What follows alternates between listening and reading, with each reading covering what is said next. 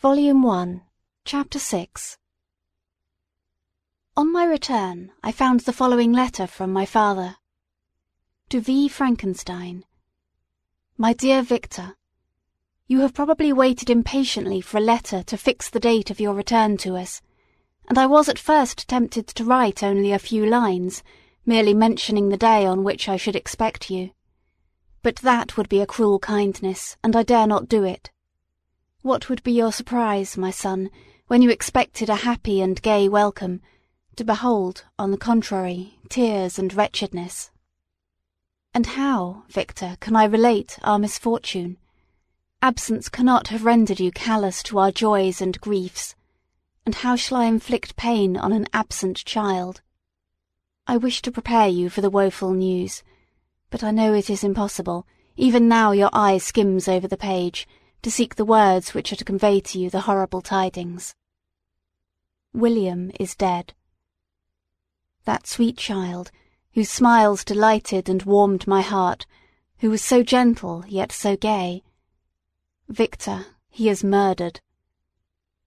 I will not attempt to console you, but will simply relate the circumstances of the transaction. Last Thursday, May 7th, I, my niece, and your two brothers went to walk in Plainpalais. The evening was warm and serene, and we prolonged our walk farther than usual.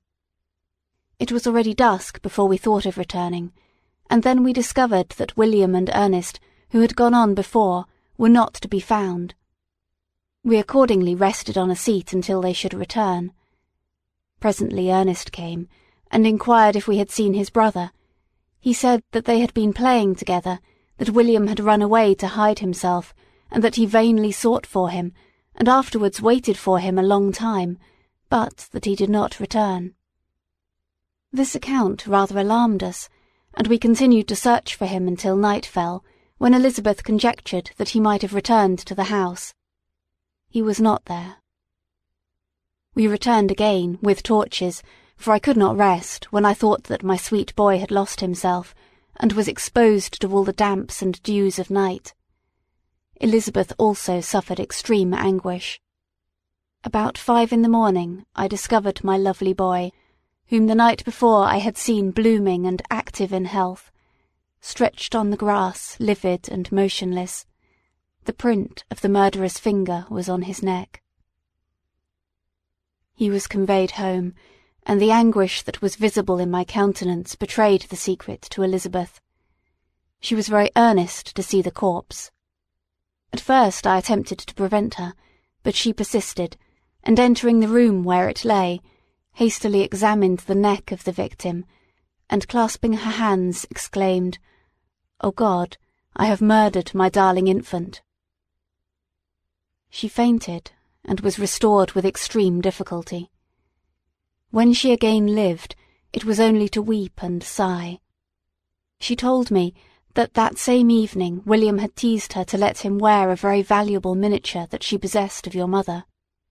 This picture is gone, and was doubtless the temptation which urged the murderer to the deed. We have no trace of him at present, although our exertions to discover him are unremitted, but they will not restore my beloved William. Come, dearest Victor, you alone can console Elizabeth. She weeps continually and accuses herself unjustly as to the cause of his death. Her words pierce my heart. We are all unhappy, but will not that be an additional motive for you, my son, to return and be our comforter? Your dear mother. Alas, Victor, I now say Thank God she did not live to witness the cruel, miserable death of her youngest darling. Come, Victor, not brooding thoughts of vengeance against the assassin, but with feelings of peace and gentleness that will heal instead of festering the wounds of our minds. Enter the house of mourning, my friend, but with kindness and affection for those who love you, and not with hatred for your enemies. Your affectionate and afflicted father, Alphonse Frankenstein. Geneva, May 12, 17 blank blank. Clerval, who had watched my countenance as I read this letter, was surprised to observe the despair that succeeded to the joy I at first expressed on receiving news from my friends. I threw the letter on the table and covered my face with my hands. My dear Frankenstein, exclaimed Henry, when he perceived me weep with bitterness. Are you always to be unhappy? My dear friend, what has happened?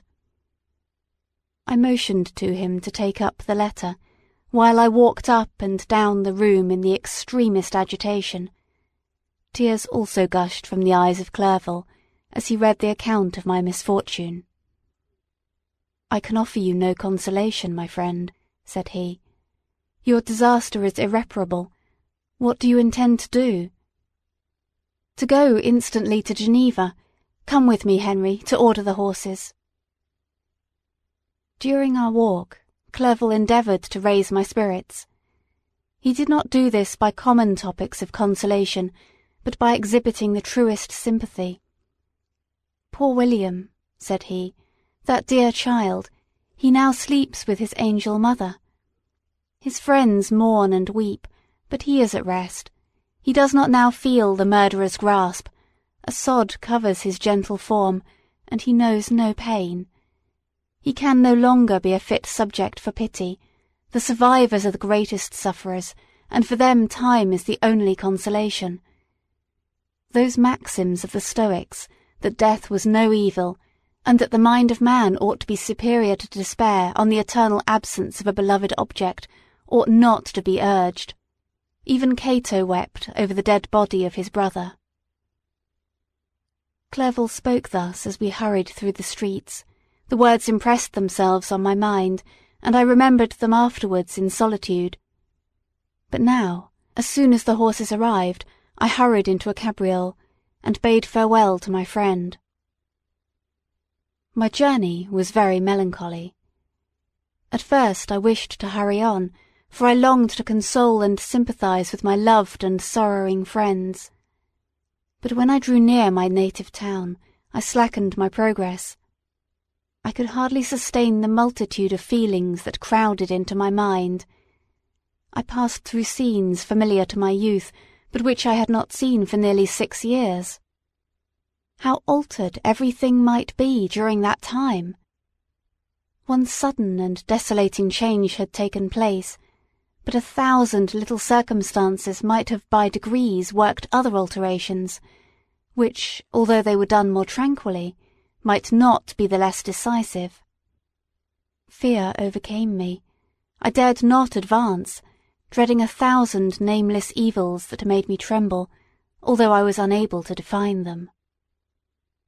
I remained two days at Lausanne in this painful state of mind. I contemplated the lake, the waters were placid, all around was calm, and the snowy mountains, the palaces of nature, were not changed.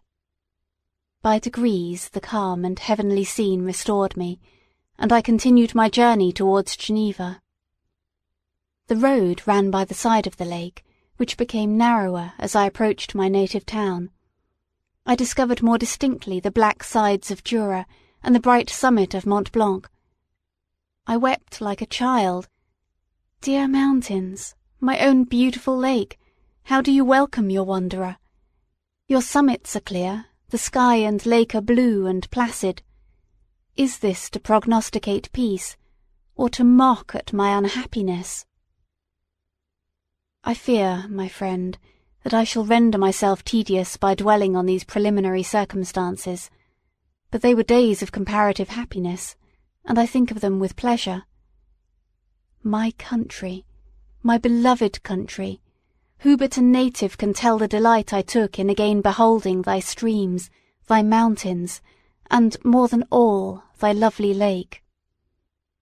Yet, as I drew nearer home, grief and fear again overcame me. Night also closed around, and when I could hardly see the dark mountains, I felt still more gloomily the picture appeared a vast and dim scene of evil, and I foresaw obscurely that I was destined to become the most wretched of human beings. Alas! I prophesied truly, and failed only in one single circumstance. that in all the misery I imagined and dreaded, I did not conceive the hundredth part of the anguish I was destined to endure. It was completely dark when I arrived in the environs of Geneva. The gates of the town were already shut, and I was obliged to pass the night at Secheron, a village half a league to the east of the city. The sky was serene, and, as I was unable to rest, I resolved to visit the spot where my poor William had been murdered. As I could not pass through the town, I was obliged to cross the lake in a boat to arrive at Plainpalais. During this short voyage, I saw the lightnings playing on the summit of Mont Blanc in the most beautiful figures. The storm appeared to approach rapidly, and, on landing, I ascended a low hill that I might observe its progress. It advanced, the heavens were clouded, and I soon felt the rain coming slowly in large drops, but its violence quickly increased. I quitted my seat and walked on, although the darkness and storm increased every minute, and the thunder burst with a terrific crash over my head. It was echoed from Salêve, the Juras, and the Alps of Savoy. Vivid flashes of lightning dazzled my eyes, illuminating the lake, making it appear like a vast sheet of fire. Then for an instant everything seemed of a pitchy darkness, until the eye recovered itself from the preceding flash. The storm, as is often the case in Switzerland, appeared at once in various parts of the heavens. The most violent storm hung exactly north of the town, over that part of the lake which lies between the promontory of Bellerive and the village of Coppet. Another storm enlightened Jura with faint flashes, and another darkened and sometimes disclosed the Mole, a peaked mountain to the east of the lake.